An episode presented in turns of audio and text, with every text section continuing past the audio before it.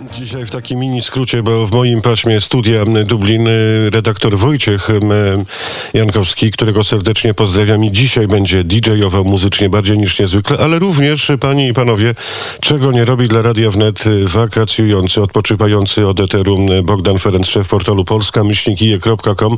Dzień dobry, panie redaktorze. Dzień dobry, witam Państwa i witam Ciebie, Tomaszu. Cieszę się bardzo, że zaprosiłem i udało mi się Ciebie zaprosić do poranka wnet, aby piątkową porą chwilę porozmawiać sobie. Mamy niespełna 8 minut, ale tak w telegraficznym skrócie. No stało się to, czego obawialiśmy się, redaktorze, albowiem szefie portalu polska-kije.com. Tak jak przewidywaliśmy, bez żadnych zgrzytów, y, irlandzki parlament przegłosował kwestię paszportów covidowych. E, dokładnie tak i te będą obowiązywały od 19 lipca, ale co chyba bardziej nas tutaj na wyspie interesuje, będą one też obowiązywały przy wejściu do kawiarni, restauracji oraz pubów. No i z tego powodu tutaj mamy trochę nieprzyjemnych rzeczy, które zaczynają się dziać, czyli przede wszystkim protesty społeczne, ale jednocześnie mamy też niezgodność w łonie rządowym, że tak się wyrażę. Dr Tony Holohan, czyli naczelny lekarz kraju, uważa, że osoby niezaszczepione w wieku do 18 lat, czyli młodzież i dzieci, nie powinny wchodzić w ogóle do restauracji oraz barów mm, z rodzicami, którzy na przykład są szczepieni. Z tym y, nie zgadza się oczywiście premier Michael Martin, który powiedział, że takiej sytuacji nie może być i z całą pewnością osoby nieletnie będą mogły wchodzić tutaj do barów. Mm, wracając do samego społeczeństwa, które jest, y, tak jak już wielokrotnie mówiliśmy, zrezygnowane i bardzo zdenerwowane tym, co się dzieje, jednocześnie bardzo nieciekawie przedstawia się to wszystko y, tutaj na wyspie, bo może dojść do kolejnej fali y, koronawirusa. No, jest wiele protestów i, i ludzie dają temu wyraz y, przede wszystkim w mediach społecznościowych, ale jednocześnie komentując też wpisy internetowe. No i sytuacja robi się naprawdę bardzo poważna, ponieważ można powiedzieć, że do rewolucji jest już naprawdę bardzo, bardzo blisko. Ja myślę, że uda się jednak e, ograniczyć wpływ tych zarządzeń rządowych e, na nasze życie.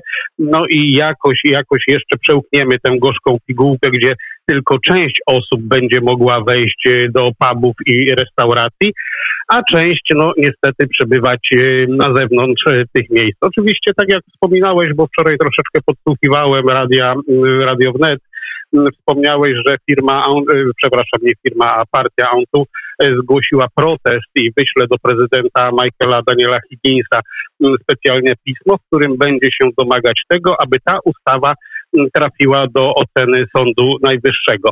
Oznacza to tylko tyle, że Antu partia rządzona przez pana Tojbina chce, aby ta ustawa nigdy nie, weszła, nie weszła w życie i żeby nie obowiązywała, żeby nie dzieliła społeczeństwa na dwie grupy, czyli zaszczepionych i niezaszczepionych. Poranek wnet. Moim Państwa gościem współgospodarz Studia Dublin Bogdan Ferenc. Słuchacie Radia Wnet. No skoro podsłuchiwałeś ponad oceanami, to mówiłem, że właśnie z Tobą dzisiaj w poranku wrócę do tej informacji, cytując również Ciebie, jako portal polska-kije.com, a mianowicie jeszcze słów kilka o tym niezwykłym spotkaniu, kiedy to w łonie Unii Europejskiej w Brukseli nasz minister finansów, minister finansów Republiki Irlandii Pascal Donahue ogłosił, y, pani y, sekretarz skarbu Stanów Zjednoczonych Ameryki Janet Yellen, że Irlandia nie ugnie się pod naporem międzynarodowych nacisków, również nacisków Unii Europejskiej, aby podnieść korporacyjny y, taks. Co to oznacza, Bogdanie?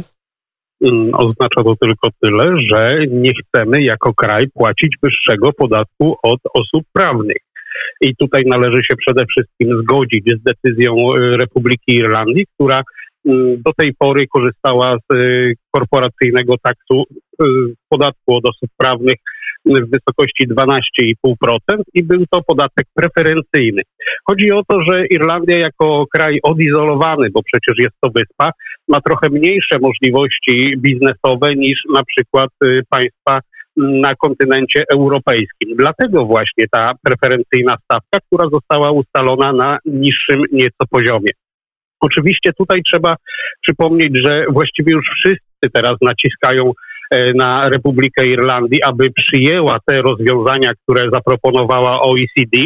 No i dzieje się tak e, właściwie z każdej strony, bo już nawet Stany Zjednoczone dosyć mocno naciskają na mm, wyspę, żeby, żeby jednak ugięła się przed tym, ale tutaj bardzo ważna rzecz, którą powiedział wczoraj po południu nasz minister e, finansów Pascal Donahue, który stwierdził, że będzie bronił, i to jest bardzo ważne słowo, bronił e, podatku w wysokości 12,5% i nie zgodzi się na to, żeby e, wyższy został wprowadzony. Właściwie powiedział, że nie był, żeby nie był wprowadzony ten w minimalnej y, stopie 15%, więc tutaj, tutaj zobaczymy, jak to wszystko się rozwinie, bo prawdopodobnie Irlandia, co już teraz y, czyni, będzie bardzo mocno negocjowała y, z partnerami z OECD, aby o ile już będzie zmuszona do tego, żeby ten podatek podnieść, to nie byłby on w wysokości 15%. Ja osobiście przewiduję, że będzie to podwyżka około 1%, ale to i tak Mm, tutaj, tutaj musimy, musimy zauważyć, że to, to po prostu będzie dużo niższa e, stopa oprocentowania niż e, w innych krajach i nadal będzie możliwe przyciąganie do Irlandii inwestorów zagranicznych. Irlandzki rząd, to też warto podkreślić, uważa cały czas, że jeżeli wprowadzi e, corporation tax w wysokości 15%, utraci bardzo dużo miejsc pracy, a jednocześnie bardzo może nie bardzo dużo, ale kilka firm może się stąd wycofać. To oczywiście oznacza, że Irlandia straciłaby e, około 2 miliardów euro wpływów z, tego podatku, no na e, w czasach, tak jak powiedział pan minister Donohiu, w czasach odzyskiwania sprawności po e, kryzysie pandemicznym nie jest to wskazane. Mam, mam takie wrażenie, że tutaj będziemy jeszcze świadkami różnych ciekawych rozmów i bardzo, bardzo dużo rzeczy będzie się tutaj działo, a Irlandia, tak jak ją znamy, jest y, naprawdę bardzo sprawna w rozmowach międzynarodowych, chociaż na polu krajowym nie radzi sobie aż tak dobrze. Bogdan Ferenc w finale, prawie w finale poranka wnet piątkową porą 16 lipca.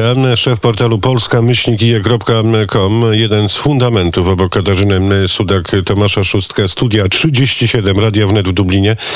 I cóż, do usłyszenia sierpniową porą. Jak idzie odpoczynek? Tak zapytam prywaciarsko L redaktora.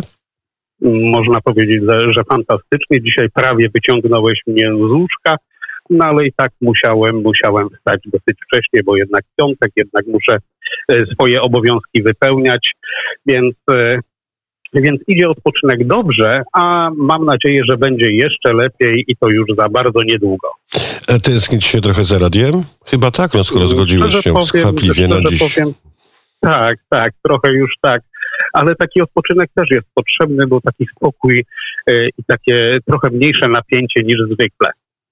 Panie i panowie, Bogdan Ferenc, portal polskamyślnikije.com, szef tego portalu, ale również fundament studia 37 Radio Wnet w Dublinie. Zaglądajcie, bo to najszybsze, najświeższe informacje, ale również sporo felietonów, również ekonomicznych e, i również takich, które nazywam logicznymi łamigłówkami, bo tej logiki nam bardziej niż bardzo brakuje. Dziękuję pięknie. Dobrego dnia, redaktorze. Dziękuję Państwu za uwagę i dziękuję Tobie, Tomaszu.